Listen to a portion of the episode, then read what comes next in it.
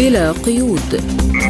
برنامج واسع الطيف نطلعكم فيه على آخر المستجدات على الساحة العربية والعالمية. حصريا من إذاعة سبوتنيك. تحية طيبة لكم مستمعينا من استديوهاتنا في موسكو. أهلا بكم في حلقة جديدة من بلا قيود. نرافقكم فيها على مدار الساعة. أنا نغم كباس. وأنا عماد الطفيلي والبداية بأبرز العناوين. تحذيرات غربية من دفع تكاليف باهظة لسياسة دعم كييف. قسد ترفض عرضا روسيا لوقف العملية العسكرية التركية شمالي سوريا. إيران تعلن عن لقاء قريب مع السعودية. الرئاسة الفلسطينية تؤكد أن تفاهمات الائتلاف اليميني الإسرائيلي تشكل تحديا سافرا للشرعية الدولية وبن غفير يدعو لاقتحام الأقصى. لازلتم تستمعون إلى برنامج بلا قيود. ونبدأ التفاصيل بالشأن الأوكراني.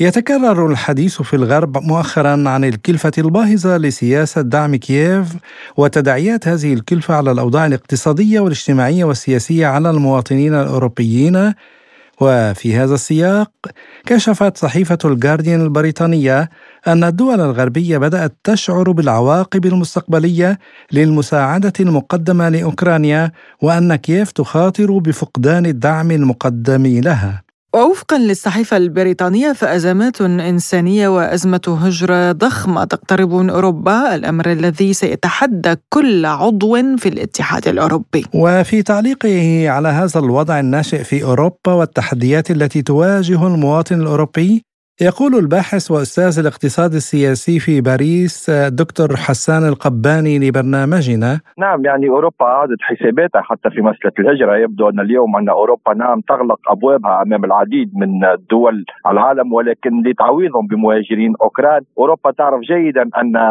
كلفة أو يعني فاتورة فاتورة هذه الحرب سوف تكون ثقيلة عليها من الناحية الاقتصادية. ماكرون مثلا هنا في فرنسا دعا الشعب الفرنسي مع افتتاح السنة السياسية في شهر 9 سبتمبر. التحمل يعني كما سماها ماكرون تكاليف الديمقراطية والدفاع عن الحرية. ولكن لا يبدو أن المواطن الأوروبي وخاصة الفرنسي معني كثيرا بهذه الحرب أو بدفع كلفة هذه الحرب. أعتقد أن المواطن الفرنسي بدأ يتململ من خلال ارتفاع الأسعار من خلال التضخم من خلال ضعف التنمية الاقتصادية. ربما أقول ربما بدأنا نلاحظها في الولايات المتحدة الأمريكية موجات بطالة سوف تكون عالية في السنة القادمة. عديد الشركات بدأت تصرح بالآلاف. تبعا لقرارات الفيدرالي الأمريكي برفع مستوى الفائده المديرية لو اتبع البنك الأوروبي نسخ الفيدرالي الأمريكي وواصل في الترفيع من الفائده أكيد سوف تكون هناك موجات بطالة كبيرة ستضرب أوروبا وهنا سوف تكون الطامة الكبرى. وتشهد العديد من المدن الأوروبية احتجاجات على العقوبات ضد روسيا فالعواقب السلبية للصراع في أوكرانيا بدأت تؤثر على الدول الغربية وتخاطر كييف بفقدان الدعم. وعن سؤال فيما يخص توسع وتمدد الاحتجاجات للشعوب الأوروبية ومدى تأثيرها على تغيير سياسات الحكومات في بلدانها أم أن الضغط الأمريكي فوق الجميع يقول القبي؟ يعني حتى الآن يبدو أن الضغط الأمريكي أقوى من ذلك ولكن إن توسعت رقعة هذه الاحتجاجات وان لا يعني تسارعت أو تزايدت وتيرة هذه الاحتجاجات من هنا يمكن أن نقول أن ممكن قد يكون لديها تأثير على المستوى المتوسط يعرف جيدا الغرب أن روسيا لن تخسر هذه الحرب ولكن إطالة أمد هذه الحرب هو لانهاك روسيا لاستنزاف روسيا مثل ما صرحوا مع بداية الأزمة ولكن يبدو أن الرهان الحقيقي الآن من سوف يصيح اولا؟ هل سوف يصيح الروس اولا أم سوف يصيح الأوروبيون والغرب اولا؟ هذا هو الرهان وخاصة على المستوى الاقتصادي. حقيقة على المستوى العسكري يبدو أن مهما كان حجم الدعم الغربي لأوكرانيا يبدو حتى الآن هناك تفوق للسلاح الروسي بالرغم من الانسحابات من العديد من المدن ولكن تبقى روسيا تسيطر على قرابه 15% من الأراضي الأوكرانية وهي ليست بالمساحة الهينة. حتى على المستوى الاقتصادي سيطرت روسيا على محطة زاباروجيا حتى يعني اقتصاديا وتكتيكيا واستراتيجيا يعني تفوق كبير. من الناحية الاقتصادية حتى العقوبات على المدى الطويل قد تنهك روسيا ولكن يبدو أن على المدى المتوسط بدأت تنهك أوروبا اولا. نعم يعني شخصيا في بحوثي العلمية اشتغلت على العدوى بخصوص الاضطرابات السياسية خاصة بين البلدان الحدودية وخاصة عندما تكون نفس الظروف يعني متشابهة سواء على المستوى السياسي أو على المستوى الاجتماعي أو حتى على المستوى الاقتصادي. نعاين هنا في أوروبا تقريبا نفس الظروف خاصة على المستوى الاقتصادي مع تخوفات من انتقال الأزمة الاقتصادية من بريطانيا إلى إلى يعني آه، الدول الأوروبية الأخرى. بعد أن تحدثنا طويلا عن العدوى العدوى بخصوص فيروس كورونا ربما نتحدث في الأيام القادمة عن عدوى احتجاجات سياسية كما رأيناها في العديد من الرقاع الجغرافية في العالم عندما بدأت مثلا في 2011 في تونس وتوسعت إلى ليبيا مصر ولكن في سياق آخر في سياق أوروبي في سياق اقتصادي ربما تنطلق احتجاجات عنيفة في أي عاصمة أوروبية وتنتقل مثل النار في الهشيم إلى العديد من العواصم الأوروبية الأخرى.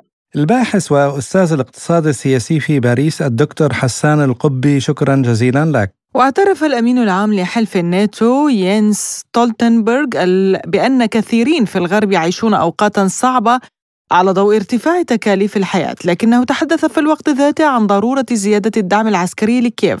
فهل سيتوجب على الأوروبيين أن يتعايشوا لوقت أطول مع الأوقات الصعبة؟ طالما أن الغرب مستمر في نهجه في التعاطي مع الملف الأوكراني. لازلتم تستمعون إلى برنامج بلا قيود. وللتعليق على هذا الموضوع ينضم إلينا من موسكو الخبير في الشأن الروسي الدكتور فايز حوالة. أهلا ومرحبا بك دكتور فايز ضيفا عزيزا في حلقة اليوم من البرنامج. تحية لكم ولمستمعيكم ومتابعيكم الأكارم. وأسأل حضرتك دكتور فايز يعني لماذا يصر الغرب ودول الناتو على إمداد أوكرانيا بالمال والسلاح؟ برغم من انعكاسات هذا الأمر بشكل سلبي على أوضاع الأوروبيين وفي الوقت نفسه لن يغير في المعادلة الميدانية على الساحة الأوكرانية. هم يعلمون ذلك علم اليقين ولكن لنبحث عن السبب الحقيقي، السبب الحقيقي هو الحرب المزدوجة التي تديرها الولايات المتحدة الأمريكية وأيضا آه، بريطانيا ضد دول الاتحاد الأوروبي وضد روسيا في ان واحد، بمعنى آخر أن هذه الحرب وإن كانت تدور رحاها على أراضي أوكرانيا ولكنها في نهاية المطاف تضعف بالدرجة الأولى دول الاتحاد الأوروبي وتضر بدول الاتحاد الأوروبي. ورأينا النتائج السلبية التي انعكست من خلال الضغوطات الأمريكية على دول الاتحاد الأوروبي لفرض عقوبات على روسيا الاتحادية الاقتصادية وامتناعهم عن استيراد آه، الطاقة بمختلف أنواعها من روسيا الاتحادية. كل هذا الأمر صب في نتيجة في نهاية المطاف في مصلحة الولايات المتحدة الأمريكية بشكل مباشر. إضافة إلى ذلك إذا ما أخذنا الجانب الإنساني يعني أقصد هنا موضوع اللجوء وهروب السكان الأوكرانيين باتجاه أوروبا. ليقول لي أي محلل أو أي آه، مسؤول أمريكي كم عدد الأوكرانيين الذين استقبلتهم الولايات المتحدة الأمريكية وبأي شروط وطبعا نعلم جيدا بأن الولايات المتحدة الأمريكية وإن أعلنت عن إمكانية استقبال مئة ألف لاجئ أوكراني ولكن وضعت شروط وهذه الشروط تعتبر آه، شروط غير آه، تعجيزية. تعجيزية أو لا يمكن حتى تحقيقها بكل الأحوال لأنه يجب أن يكون هناك آه، ضمانة والوجود الأوكراني ضمن اللجوء لا يتجاوز فترة السنة. بينما نجد بأن دول الاتحاد الأوروبي غرقت تماما وبحسب المعلومات بأن عدد اللاجئين الأوكران في أوروبا تجاوز الخمس مليون آه، نسمة هذا الأمر طبعا بالإضافة إلى الصعوبات والتضخم وارتفاع أسعار الطاقة وارتفاع آه، أسعار المواد الغذائية كله شكل عبئا اضافيا على دول الاتحاد الأوروبي. اذا من هو المستفيد في نهاية المطاف؟ طبعا الولايات المتحدة الأمريكية ونحن اليوم نرى كيف تقطف ثمار هذه الحرب المزدوجة التي افتعلتها الولايات المتحدة الأمريكية من خلال سرقة الصناعات الأساسية في آه، الاتحاد الأوروبي وتحديدا من آه، ألمانيا.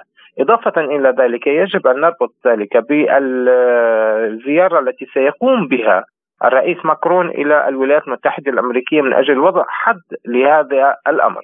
بكل الأحوال أما بالنسبة لبريطانيا أو ما تسمى بالقريب العاجل آه، في مكان آه، آه، المملكة المتحدة بالمملكة المنقسمة. طبعا الزيارة التي قام بها رئيس الوزراء الحالي آه، ريشي إلى كييف والإعلان عن تقديم آه، أسلحة متقدمة ومتطوره وموجهة بالليزر. هذا الأمر يعني بأن هناك فعلا مؤامرة أمريكية بريطانية أو انجلوساكسونيه ضد دول الاتحاد الأوروبي لأنه يعلم تماما بأن طيب دكتور إذا هناك خطة ضد الاتحاد الأوروبي كما تقول حضرتك لماذا يستمر الاتحاد الأوروبي والحكومات في الاتحاد الأوروبي بهذا النهج السلبي على مواطنيها؟ طبعا بكل تأكيد حتى نعلم كيف يتم اتخاذ القرارات في الاتحاد الأوروبي. يجب أن نرجع إلى ما يسمى بمجلس أوروبا الذي لم ينتخب من قبل الشعب الأوروبي وإنما بشكل أو بآخر تم تعيينه من قبل الولايات المتحدة الأمريكية. وبالتالي هم يتلقون الأوامر من الولايات المتحدة الأمريكية وينشرونها وتنفذ على الاراضي على كل دولة من دول الاتحاد الأوروبي. بمعنى آخر أن اليوم أصبحت الدول الاتحاد الأوروبي كأي دولة تأخذونها بشكل منفصل هي مسلوبة القرارات الاقتصادية والسياسية وكل قراراتها مرتبطة بالولايات المتحدة الأمريكية، إضافة إلى ذلك وهذا الأمر أعتقد بأنه أصبح واضحا للعيان وللجميع. إذا ما أخذنا كميات الأسلحة التي وصلت من الولايات المتحدة الأمريكية إلى أوكرانيا، وطبعا هي تصل ولكن لا تصل 100% لأن هناك ما يسمى بالثقب الأسود. فجزء منها كان يذهب إلى أفريقيا وهذا ما سنراه بعد أن تنطوي نوعا ما صفحة آه، الحرب في أوكرانيا. وجزء آخر يأخذونه تجار الأسلحة. كيف يأخذونه ولماذا يأخذونه إلى الأراضي الأوروبية؟ بمعنى آخر لنعود مرة أخرى إلى آه، فترة آه، ليست بالبعيدة. أين هم السترات السفر كيف هم خرجوا؟ ولماذا خرجوا؟ اليوم نرى مثلا على سبيل المثال في جميع دول الاتحاد الأوروبي هناك المظاهرات التي يقوم بها الناس. بأي طيب هذه المظاهرات دكتور يعني وهذه الاحتجاجات التي يعبر بها الشارع الأوروبي عن رأيه آه، ضد آه، الحكومات وقراراتها التي انعكست سلبا على جيبة المواطن الأوروبي هل تعتبر بأنها ربما تغير من سياسة هذه الحكومات يعني تضغط عليها باتجاه رفع العقوبات عن روسيا؟ هذه هي المطالب المحقة للشعب الذي أصبح يلتدع من وراء هذه الحماقات السياسية والاقتصادية التي ترتكبها حكوماته. ولكن أنا قلت بأن كل هذه الحكومات هي مسلوبة الإرادة ليس آه، راي من رأسها كما يقال. ولكن أنا أعتقد بأن الطريق الصحيح هو ما بدأ أمس وإن كان تحت حجة آه، فوز الفريق المغربي على الفريق البلجيكي وما وجدناه في شوارع بروكسل أنا أعتقد يجب إسقاط مجلس أوروبا، هذا المجلس الذي أصبح يتخذ قرارات يعني على سبيل المثال عندما يعترف بأن آه، روسيا الاتحادية هي دولة راعية للإرهاب، فعلا كما قال الوزير لافروف يجب أن يعرضوا جميعهم على أطباء نفسيين، لذلك آه، يجب أن ينتهي هذا المجلس وأن تكون إقامة هذا المجلس على أساس آه، دستوري وديمقراطي بمعنى آخر أن يكون منتخبا من الشعب من الشعب الأوروبي وليس معينا بشكل أو بآخر.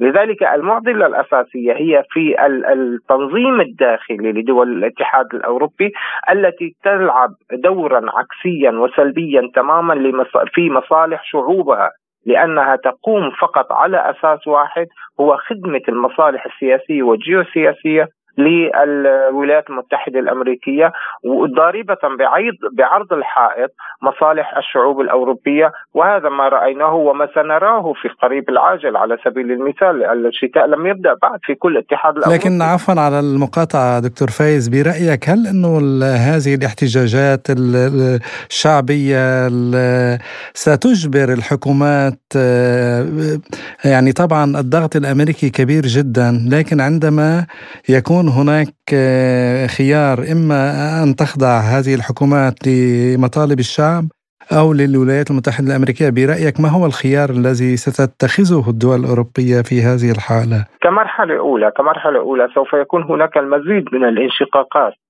العمودية والأفقية بين دول الاتحاد الأوروبي نفسها بمعنى آخر أننا سنلاحظ ما لاحظناه إبان انتشار جائحة كورونا والانقسامات الأوروبية الأوروبية الداخلية كلا أصبح يريد أن يخدم مصلحته واليوم أيضا نفس الأمر سوف يتكرر تماما لأن كل دولة سوف تحاول على أقل تقدير تأمين الطاقة، تأمين الغذاء، تأمين التدفئة، تأمين الماء الساخنة للمواطنين والسكان. محاولة رفع الأجور يعني مثلا حتى في بريطانيا على سبيل المثال نحن في الأيام القليلة القادمة سوف نشهد عملية اضراب للمر للممرضات والقطاع الطبي في بريطانيا وما هي انعكاساته؟ وكيف وكيف سوف تعالج حكومة ريشي سوناك هذا الأمر؟ هناك أخبار تقول بأنه ربما ربما سيحاول إنزال الجيش من أجل وضع حد لهذه الإضرابات. اذا هناك انقسامات. إضافة إلى ذلك أنا أعتقد تماما بأن الولايات المتحدة الأمريكية تحاول اليوم إطفاء صراع جديد داخل دول الاتحاد الأوروبي. يعني آه، إذا كنا نقول ما مصلحتها دكتور؟ لحظة بس. إذا كنا نقول آه، في السابق آه، الولايات المتحدة الأمريكية سوف تحارب روسيا حتى آخر اوكراني سوف تصبح المعادلة الجديدة بأن الولايات المتحدة الأمريكية سوف تحارب روسيا حتى آخر أوروبي. أما مصلحتهم ما هي؟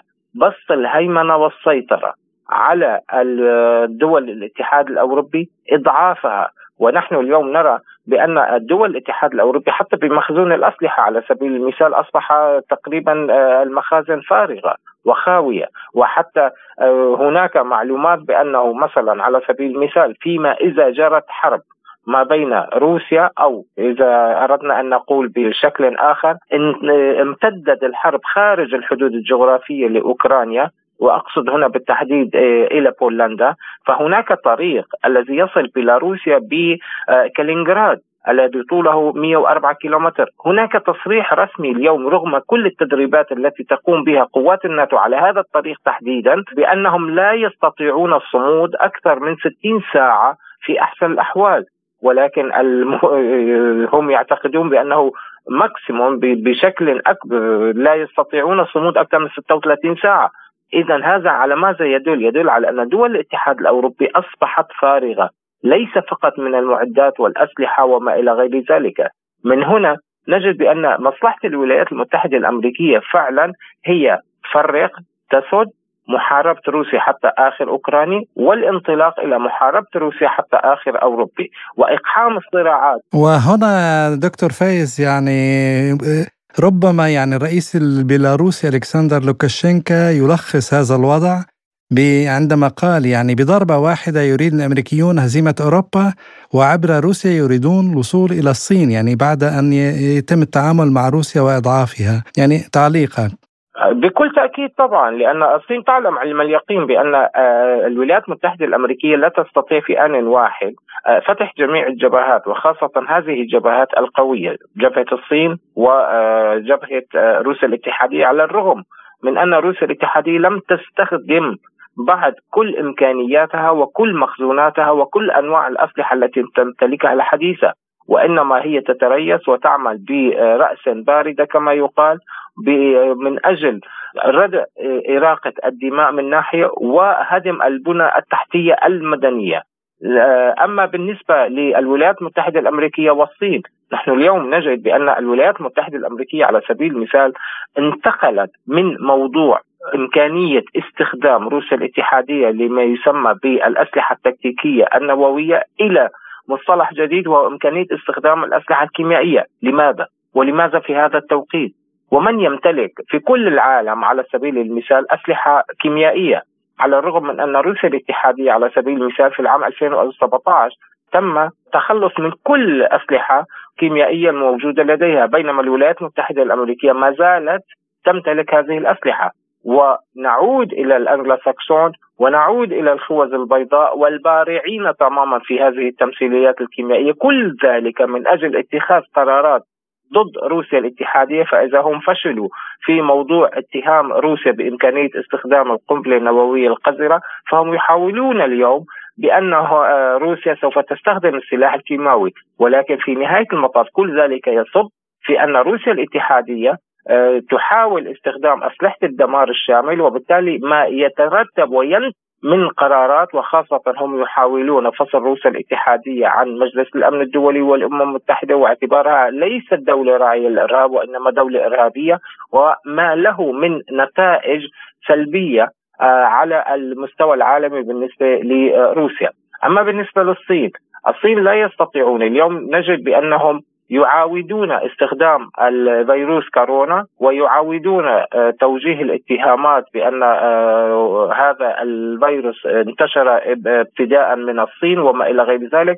ولكن انتقلوا وبعض التصريحات التي أتت يوم أمس على لسان المسؤولين الروس من آه، خطط بولتون وبرنامج بولتون في موضوع الفيروسات انتقلوا انتقلوا إلى الفضاء اليوم. اليوم هم يتخوفون من حرب الفضاء أو ما يسمى بحرب النجوم ابن ريغن الذي كان يحلم بهذه الحروب. لذلك نجد بأن الولايات المتحدة الأمريكية طبعا هي تسير بحذر آه، شديد آه، للغاية لأنها من ناحية ورغم آه، انتشارها الواسع والكبير في جميع أنحاء العالم في البحار والمحيطات وعلى الأرض وفي الفضاء ولكن بكل الأحوال لا تستطيع مجابهة لا روسيا ولا الصين فكيف إذا آه، روسيا والصين أعلنت بأنها سوف تواجه الولايات المتحدة الأمريكية بشكل مباشر، أنا أعتقد بأن هذا يعني بنهاية المطاف هو النهاية السريعة والحتمية لما يسمى بالإمبراطورية الأمريكية وسوف تتغير اسم آه، الولايات المتحدة الأمريكية إلى الولايات المنقسمة الأمريكية وهذا ما نلاحظه من الوضع الداخلي للولايات المتحدة الأمريكية. نعم شكرا جزيلا لك. الخبير في الشأن الروسي الدكتور فائز حوالة كنت معنا عبر الهاتف. شكرا جزيلا لك. شكرا جزيلا دكتور فائز. أهلا وسهلا بكم. لازلتم تستمعون إلى برنامج بلا قيود. ومن أوكرانيا إلى سوريا والعملية العسكرية التي تنفذها تركيا شمالي البلاد ومحاولات روسيا لإيجاد مخرج بعيدا عن العنف إذ قدم وفد روسي عرضا لقوات سوريا الديمقراطية أو ما يسمى قصد من أجل دخول الجيش السوري إلى منطقة القصف التركي لكن قصد رافضت العرض الروسي. وأرسلت قيادة القوات المسلحة السورية تعزيزات عسكرية وعربات مصفحة إلى مدينة عين العرب شمال شرق محافظة حلب. إذ أفاد مصدر عسكري سوري بأن ما لا يقل عن عشرين دبابة وناقلة جند مدرعة وصلت إلى المنطقة التي تتمركز فيها القوات الحكومية وتم تسليم مدافع ورشاشات ثقيلة. بدورها قالت وزارة الدفاع التركية إنه تم تحييد 14 إرهابيا من بجبكك أيضا كانوا يعدون لشن هجمات في منطقة نبع السلام وغصن الزيتون. ومن جهة أخرى لم يستبعد الرئيس التركي رجب طيب أردوغان عودة العلاقات مع دمشق قريبا فيما أعلنت موسكو استعدادها لاستضافة قمة بين الرئيسين التركي والسوري. وللحديث عن هذا الموضوع ينضم إلينا عبر الهاتف من دمشق الخبير العسكري والبرلماني السابق الأستاذ مهند الحاج علي.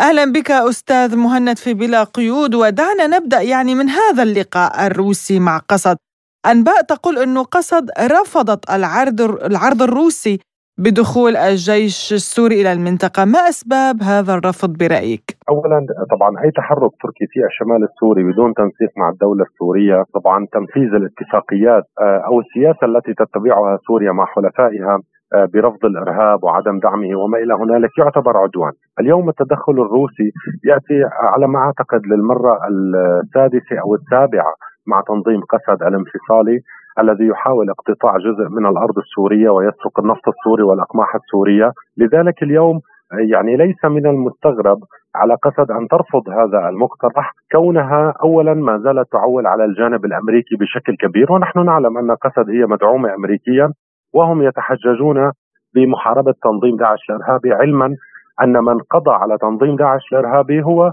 تحالف الجيش العربي السوري مع حلفائه والدعم الجوي الروسي وهذا الأمر معروف تماما، لذلك هم ما زالوا يعولون على الأمريكي ويأتمرون بأمرته، لذلك يبدو أنه لا لا لا يوجد أي قرار أمريكي يعني ما زالوا يستثمرون آه، في تنظيم قسد حتى الآن، هذا من جانب، من جانب آخر اليوم تنظيم قسد ينظر إلى نفسه على أنه كيان سياسي، علما أن لا الدولة السورية ولا حلفائها ولا حتى الولايات المتحدة الأمريكية تنظر لهم على أنهم كيان سياسي، يعني هناك الكثير من المقالات الصحفية التي نشرت آه، بالواشنطن بوست وغيرها آه، آه، من الدوريات الأمريكية والكثير من المسؤولين الأمريكيين. وكان على رأسهم جون بولتون سابقا قال أننا لا ننظر إلى تنظيم قسد على أنه جسد سياسي أو يمكن أن يكون بديلا عن الدولة السورية في الجزيرة السورية، لذلك هم يتعاملون مع أنفسهم على أنهم جسد سياسي. وهذا الموضوع بالنسبة لنا ولحلفائنا مرفوض ولا يمكن القبول به وبالتالي رفضهم كان متوقعا وبالتالي هم يتحملون نتائج ومغبة أي آه، شيء ممكن أن يحدث في الجزيرة السورية، أنا اليوم برأيي أن أمريكا يعني حتى هي تدفع آه، تركيا لديها طبعا مطامع استعمارية ولديها أطماح انتخابية وخاصة للعدالة والتنمية. وبما أن حزب العدالة والتنمية يعني برنامجه الانتخابي هو الأمن القومي التركي، لذلك آه، من مصلحته الآن قبل عدة أشهر من الانتخابات أن يقوم باستفزازات عسكرية ليصدر نفسه للداخل التركي على أنه آه، على أنه الحامي حامي الحمى الامن القومي التركي. وتنظيم قسد هو الذي يعطيه هذه الفرصة من خلال عدم التنسيق مع الدولة السورية التي فتحت أبوابها عبر الوسيط الروسي آه، في كل شيء يعني بالنسبة للحقوق الثقافية والاجتماعية للأخوة الأكراد. وطبعا لا يمكن أن نسمح لتنظيم قسد أن يتحدث باسم الكرد السوريين. هناك كرد شرفاء يقاتلون في الجيش العربي السوري على آه، تخوم محافظة إدلب يقاتلون جبهة النصرة. لذلك تنظيم يمثل سوى نفسه ولا يمثل أي طائفة أو إثنية. لذلك هم يتحملون أي نتائج ممكن أن تحدث عن هذا الرفض. لأن طبعا الجيش العربي السوري لن يسكت عن التدخل التركي وخاصة أنه لم يحدث ضمن تنسيق وكل المسؤولين السوريين يتحدثون عن أنه احتلال. ومن حق الشعب السوري أن يدافع عن نفسه ضد هذا الاحتلال وهذا العدوان. يعني بعد هذا الرفض هل تتحمل قسد مواجهة مفتوحة لا سيما وأن الولايات المتحدة يعني تركتهم وفتحت المجال الجوي التي تسيطر عليه أمام الطيران الحربي التركي. صحيح سيدتي الكريمة اليوم تنظيم قسد الارهابي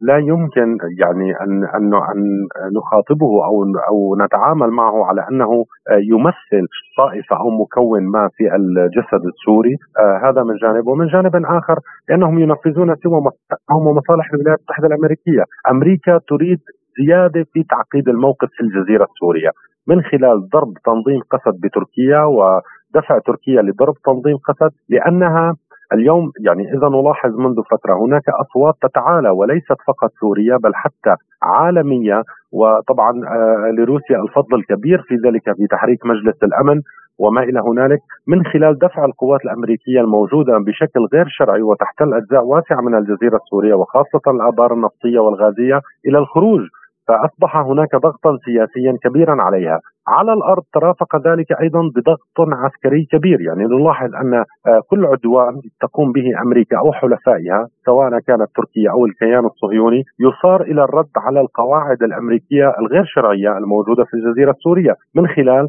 غرفة المقاومة أو غرفة تنسيق المقاومة والتي آه، والجيش العربي السوري الذي هو جزء منها، لذلك اليوم أمريكا تريد تعقيد الموقف أكثر. آه، لا تريد الخروج من سوريا رغم كل تصريحات الأمريكان وبالتالي أيضا هم لا يريدون الذهاب إلى معركة في الجزيرة السورية مع الجيش العربي السوري لأن الوضع الأمريكي لا يمكن أن يتحمل آه، كلفه الدم الناتج عن هذا.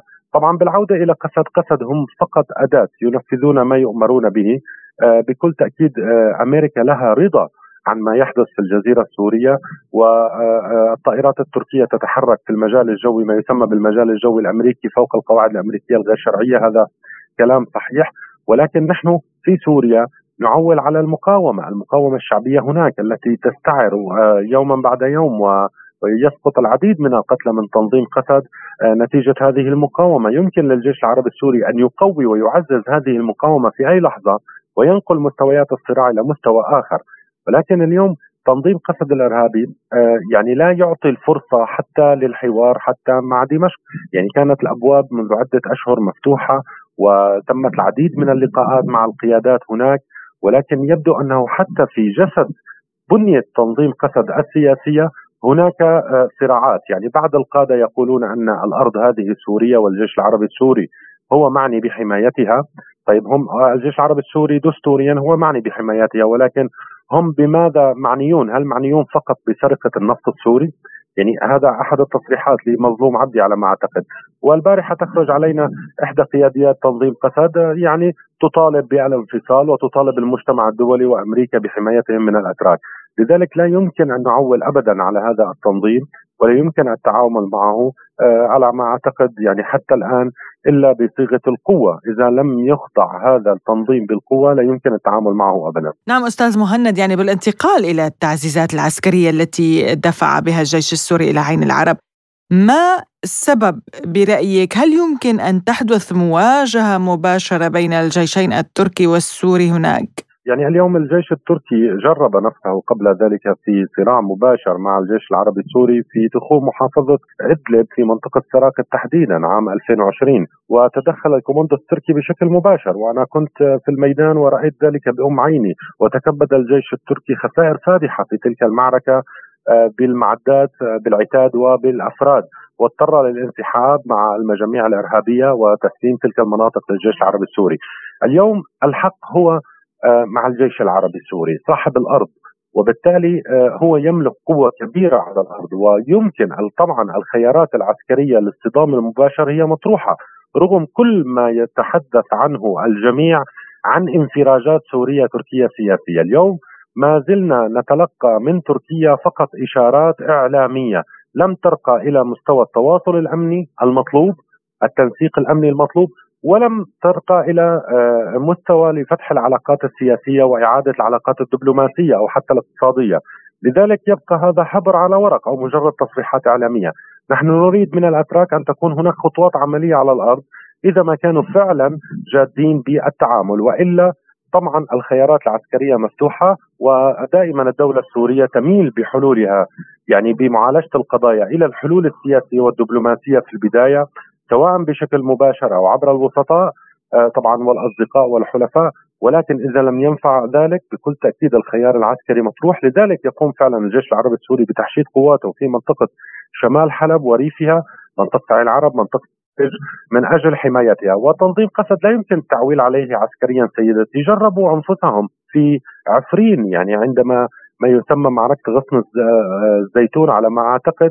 يعني هم تعهدوا بحماية تلك المنطقة أمام القوات السورية وما إلى هنالك ولكن مجرد أن بدأ الاشتباك بعد ساعتين تماما آه، فروا وتركوا سلاحهم الثقيل والخفيف وسلموا تلك المنطقة لقمة سائغة للأتراك.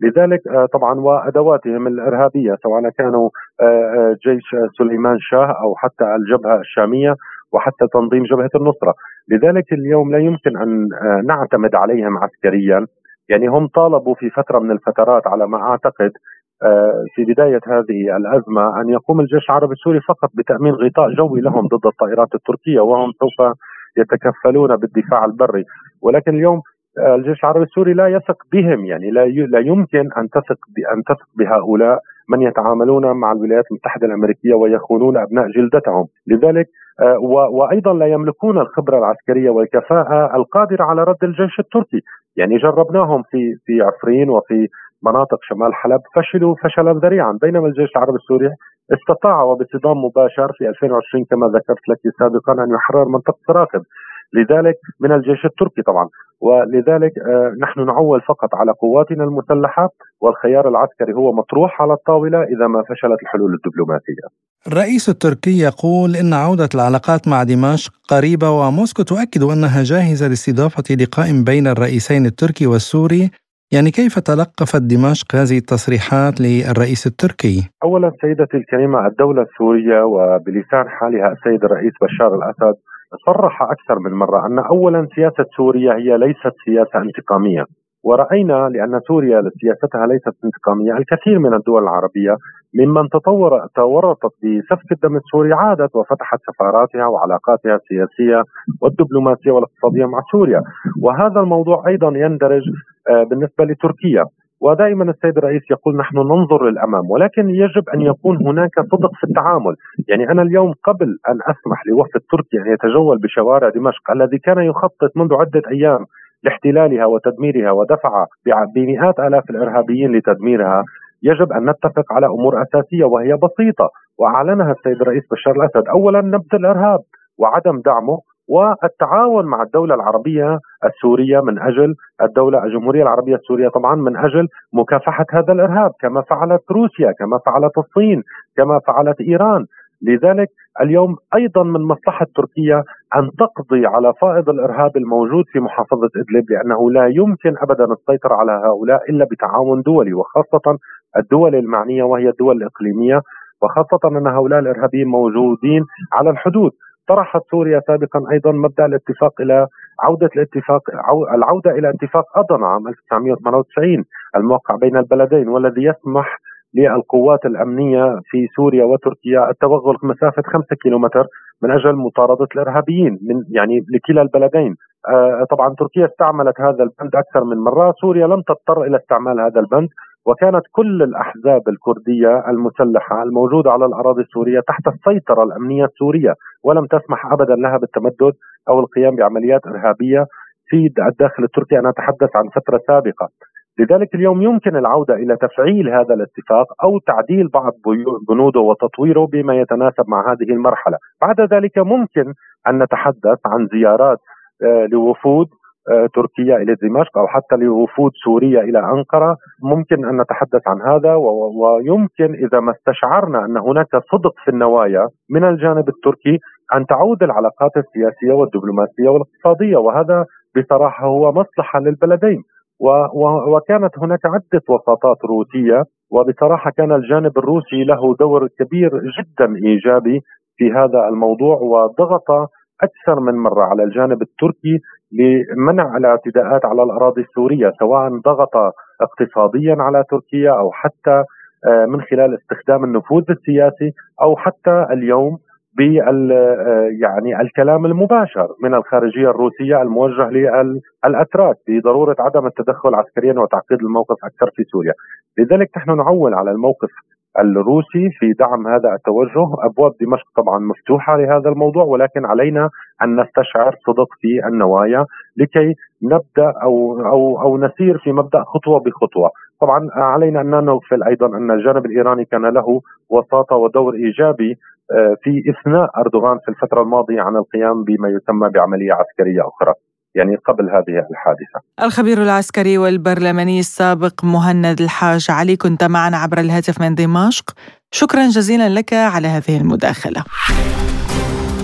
لازلتم تستمعون إلى برنامج بلا قيود. وإلى ملف العلاقات السعودية الإيرانية إذ أعلن رئيس مكتب رعاية المصالح الإيرانية في القاهرة محمد حسين سلطاني فرد أن إيران والسعودية ستجتمعان قريبا. يأتي ذلك تعليقا منه على لقاء الرئيس المصري عبد الفتاح السيسي مع نظيره التركي رجب طيب أردوغان في الدوحة معتبرا أنه تطور يثير الأمل والتفاؤل بعودة الأمن والاستقرار للمنطقة والتعاون بين البلدين الإسلاميين. وتعليقا على هذا الموضوع قال المحلل السياسي السعودي الدكتور محمد صالح الحربي لبلا قيود حقيقة المحادثات السعودية الإيرانية ما زالت في طور الاستكشاف وتصريحات المسؤولين من الدولتين بدأت الجولات منذ إبريل العام الماضي برعاية السيد مصطفى القاضمي رئيس وزراء العراق السابق جولات خمسة والآن هم يترقبون جولة سادسة وإن كان البوادر ما زالت غامضة وغير واضحة لأنه المملكة العربية السعودية دائما تريد العلاقات الإيرانية السعودية أن تكون بمفهوم وإطار استراتيجي أبعد ما يكون تكتيكي فني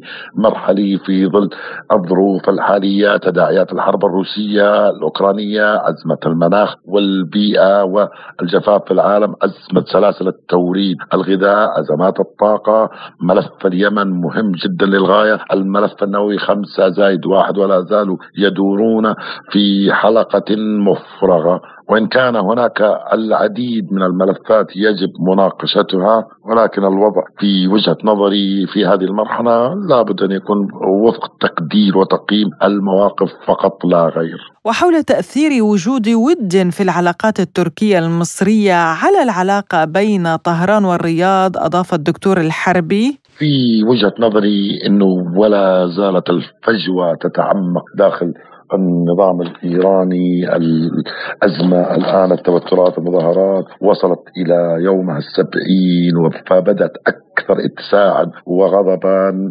231 مدينة مستنفرة هناك 30 ألف معتقل. أيضا أنباء عن مقتل ما يقارب ألف شخص من ضمنهم 70 طفل. فالوضع في إيران يعني ما زال مقلق والوضع يعني غير مواتي ربما لمحادثات في هذا التوقيت. أما بالنسبة للدول العربية فهناك لا نستطيع أن نقول تحالفات إنما ربما نشهد تكتلات في هذه المنطقة للتماشي مع الظروف المواتية في العالم كله أزمات عديدة متعددة. فربما نحن بدأنا مرحلة جديدة منذ 2021 واتفاق العلا. هناك عدة اجتماعات على مستوى ستة زائد ثلاثة دول مجلس التعاون الخليجي مع العراق ومصر والأردن. ربما يشكلون تكتل سياسي اقتصادي اجتماعي ربما يساهم في تعزيز أو خفض التوترات بين جميع الدول. الدول استمعنا إلى تعليق المحلل السياسي السعودي الدكتور محمد صالح الحربي. لازلتم تستمعون إلى برنامج بلا قيود. وإلى إسرائيل حيث أفاد الإعلام العبري بأنه تم التوقيع مساء الأحد الماضي على اتفاق ائتلافي بين حزب الليكود وحزب نوعم لإنشاء حكومة تحافظ على الهوية القومية اليهودية.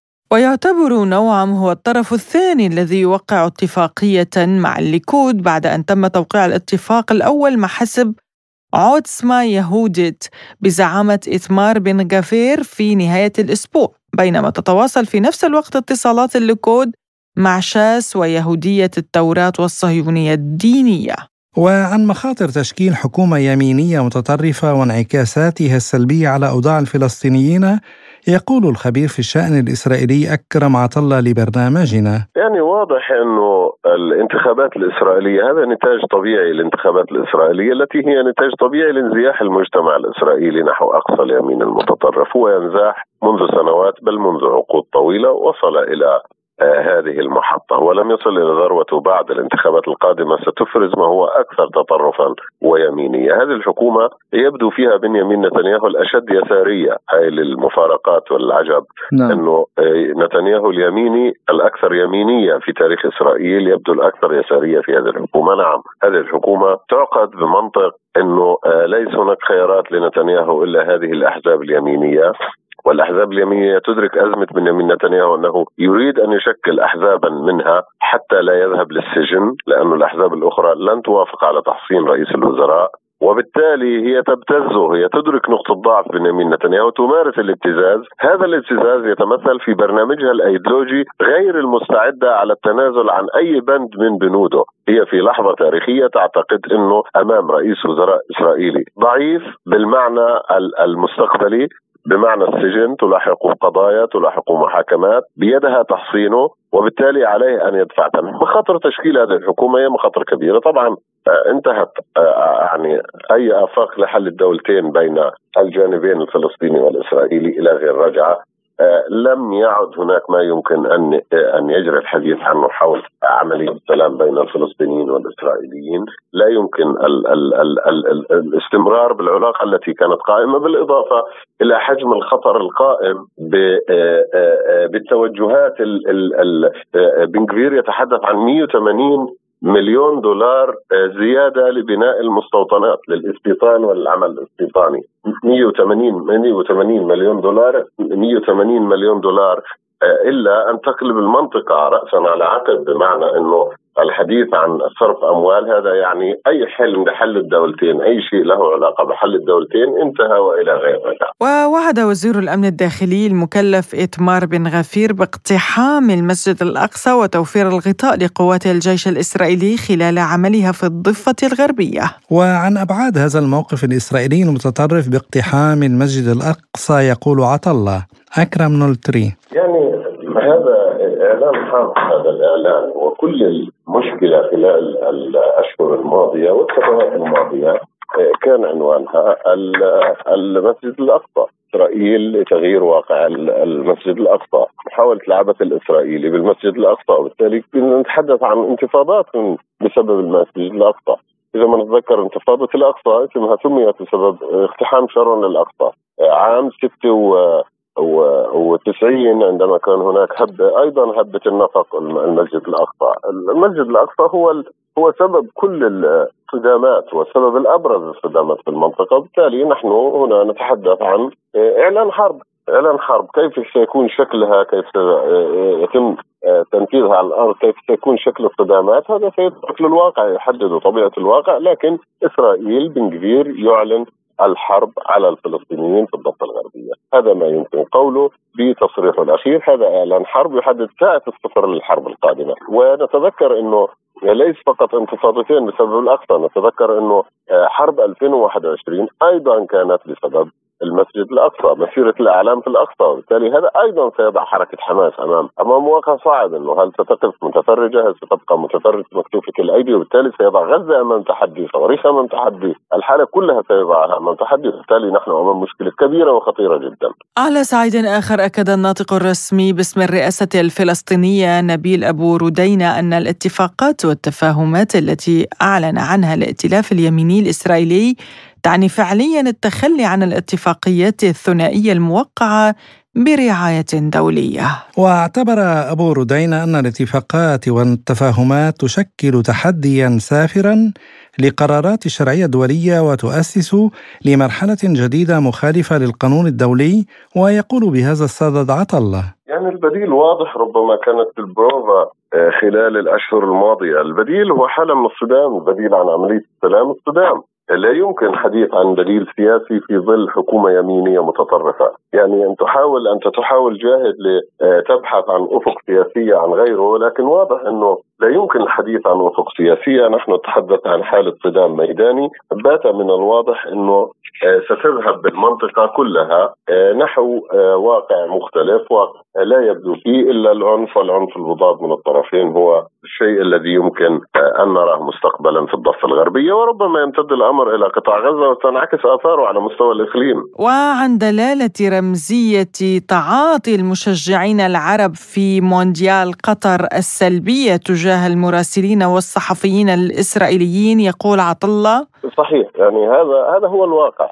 هذا هو الواقع الذي أرادت إسرائيل تجميله. وبعض النظم العربية التي حاولت أن يعني آآ آآ تجعل من عمليه التطبيع هي سياق طبيعي تاريخي في المنطقة، الآن المونديال أثبت إنه لا يمكن تطبيع واحتلال أن يعني يستويان عاملان متناقضان، لا يمكن لإسرائيل أن تكون طبيعية بالمنطقة وهي تقوم باحتلال الشعب الفلسطيني والسيطرة على أرضه وحرياته والتوطن في الضفة الغربية. لا يمكن. هذا يعني أعاد الأمور إلى طبيعتها.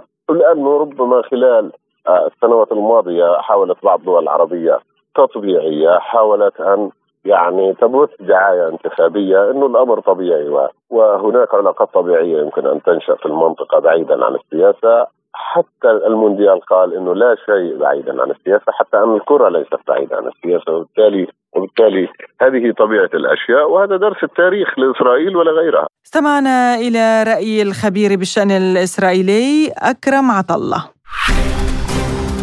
لازلتم تستمعون إلى برنامج بلا قيود. وإلى أخبار سياسية متفرقة حيث علق المتحدث باسم الرئاسة الروسية دمتري بيسكوف على فكرة الفاتيكان للوساطه بين موسكو وكييف بالقول.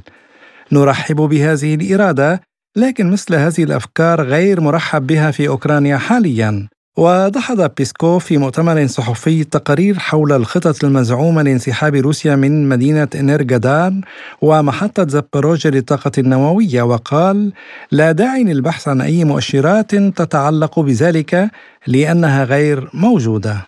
صرح الرئيس التركي رجب طيب أردوغان بأن تنفيذ صفقة الحبوب أظهر أن الحل الدبلوماسي للوضع في أوكرانيا ممكن وقال خلال هذه الأيام الصعبة عندما كانت القيم الإنسانية قيد الاختبار شاركت تركيا قدراتها مع من يحتاجون إليها. وعملنا منذ اليوم الأول بشكل مكثف لإنهاء الحرب بين روسيا وأوكرانيا. وقد أظهرنا أن الحل الدبلوماسي ممكن بفضل ممر الحبوب عبر البحر الأسود والاتفاق على تبادل الأسرى. قال نائب رئيس المجلس الأعلى للدولة في ليبيا ناجي مختار إن المشاورات الجارية مع مجلس النواب يمكن أن تكون الأكثر إيجابية من حيث النتائج. وأضاف في حوار مع سبوتنيك أن التوافق حول تشكيل حكومة جديدة يمكن أن يكون قريبا حال تحديد آلية الحوار بين الأعلى للدولة والبرلمان بالتنسيق مع البعثة الأممية. ولفت إلى أن الخلافات الحالية بين المجلس الأعلى للدولة وحكومة دبيبة لا تعني تغير المواقف وأن المجلس لم يكن يدعم حكومة دبيبة لكن الانقسام كان حول حكومة بشاغة وهو ما استفاد منه الدبيبة قبل التقارب والتشاور الحالي بين المجلسين. استدعت وزارة الخارجية الإيرانية السفير الألماني لدى طهران وسلمته مذكرة احتجاج شديدة اللهجة على خلفية تصريحات مسؤولين ألمان حول حالة حقوق الإنسان في إيران.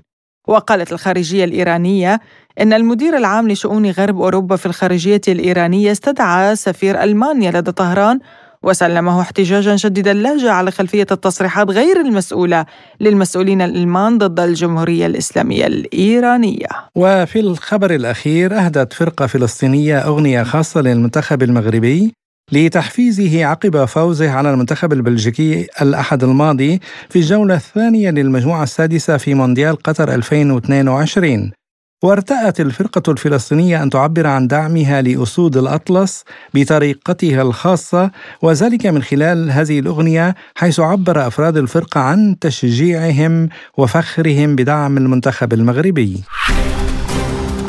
لازلتم تستمعون إلى برنامج بلا قيود. وفي الاقتصاد صندوق النقد الدولي يمنح اليمن مليار دولار لإجراء إصلاحات اقتصادية إذ وقعت الحكومة اليمنية المعترف بها دوليا وصندوق النقد العربي اتفاقا لدعم برنامج الإصلاح الاقتصادي والمالي والنقدي الشامل في البلد العربي الذي تمزقه الحرب بقيمة مليار دولار بدعم من السعودية والإمارات. ويهدف برنامج الإصلاح إلى إرساء مقومات الاستقرار الاقتصادي والمالي والنقدي في اليمن وتعزيز وضعية المالية العامة والموقف الخارجي للدولة وإعادة بناء مؤسساتها وتعزيز حوكمتها وشفافيتها بغية تهيئة البيئة الاقتصادية الكلية لتوسيع القاعدة الإنتاجية وتنويعها. كما من ضمن أهدافه تعزيز النمو الاقتصادي الشامل والمستدام وخلق فرص العمل بما يؤدي إلى وضع الاقتصاد اليمني في مسار أكثر استدامة ويدفع مسيرة التنمية الاقتصادية والاجتماعية ويخفف من معدلات البطالة والفقر. من جانبها أعلنت حركة أنصار الله اليمنية رفضها الاتفاق الموقع بين الحكومة اليمنية وصندوق النقد العربي لدعم الإصلاح الاقتصادي في اليمن بمبلغ مليار دولار أمريكي معتبرة أنه سيؤدي إلى مفاقمة انهيار العملة المحلية مقابل العملات الأجنبية وفي تعليقه على هذا الموضوع قال المحلل السياسي اليمني أحمد البحري لبلا قيود. بسم الله الرحمن الرحيم. بالنسبة حكومة صنعاء فقد نددت بهذا القرار وطالبت من صندوق النقد الدولي بعدم صرف هذا المبلغ حيث أن هذا المبلغ سيؤدي إلى ارتفاع الأسعار وإلى هبوط الريال اليمني وأن صرف هذا سوف تكون نتائجه عكسية وليس إيجابية بالنسبة للمواطن اليمني ولا الاقتصاد اليمني حيث أن من سيقوم باستلامه هي هم المرتزقة. واليمن في غنى عن مثل هذا حيث أن هناك مبالغ مالية كبيرة نتيجة بيع النفط اليمني وإيداع المبالغ في البنك الأهلي السعودي وكان الاحرى بهم صرف المبالغ اليمنية الموجودة في البنك الأهلي وصرف المرتبات. بدلا من إعطاء منح مثل هذه يتم التصرف بها بعشوائية. ولا تؤثر ولا يستفيد منها المواطن اليمني بل على العكس أنها أنها ستعمل على رفع الأسعار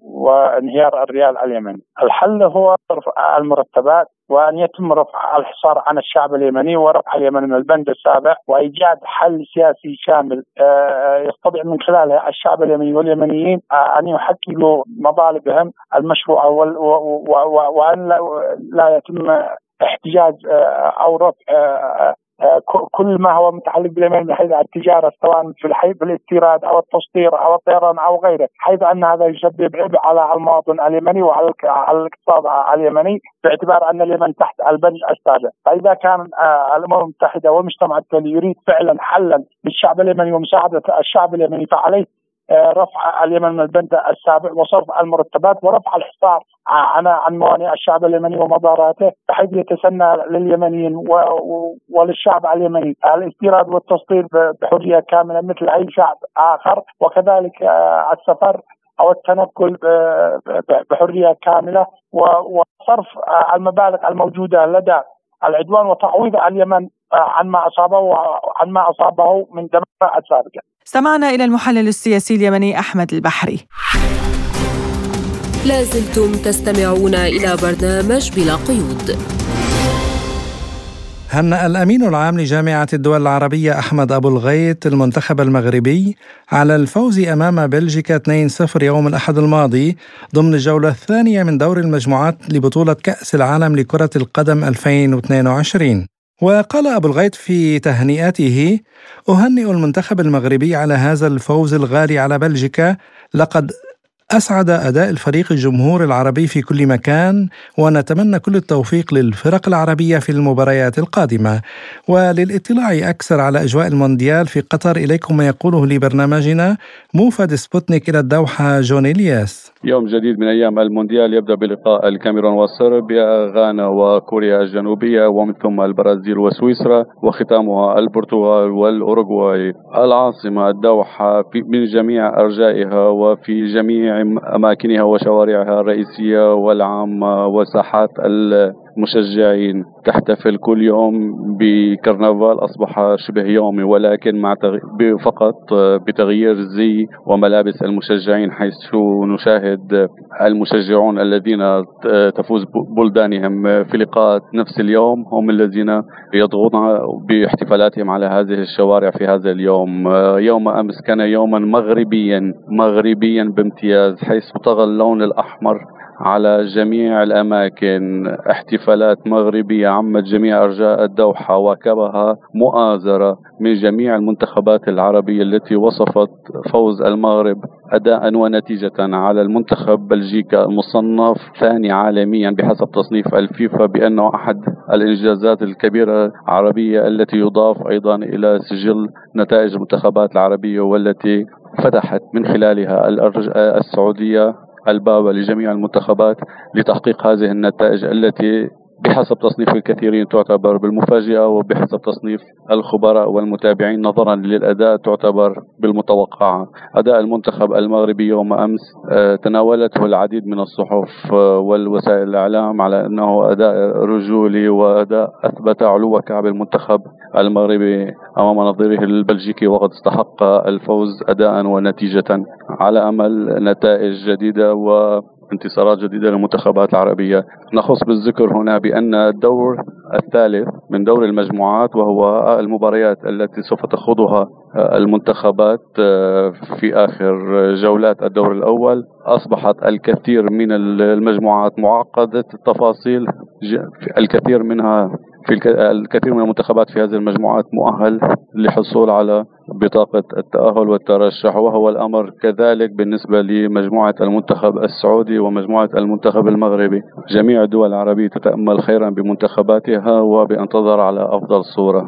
شكرا جزيلا. استمعنا إلى ما قاله موفد سبوتنيك إلى الدوحة. جوني الياس. نعم وكمان أيضا ننضم إلى ما قاله الأمين العام لجامعة الدول العربية ونتوجه بالتهنئة للمنتخب المغربي ونتمنى يعني أن تفوز كل الفرق العربية المشاركة في هذا المونديال. الحقيقة كان أداء متميز لأسود الأطلس أداء عالمي مستوى عالمي في هذه اللعبة. كان يختلف عن اللعبة السابقة أدى أفضل من المنتخب البلجيكي وكان الهجوم مدروس الدفاع استماتوا بالدفاع عن شباك المرمى الحارس أيضا كان يقظا ومنتبها على كل حركة للاعب الذي أمامه ولاتجاهات الكرة.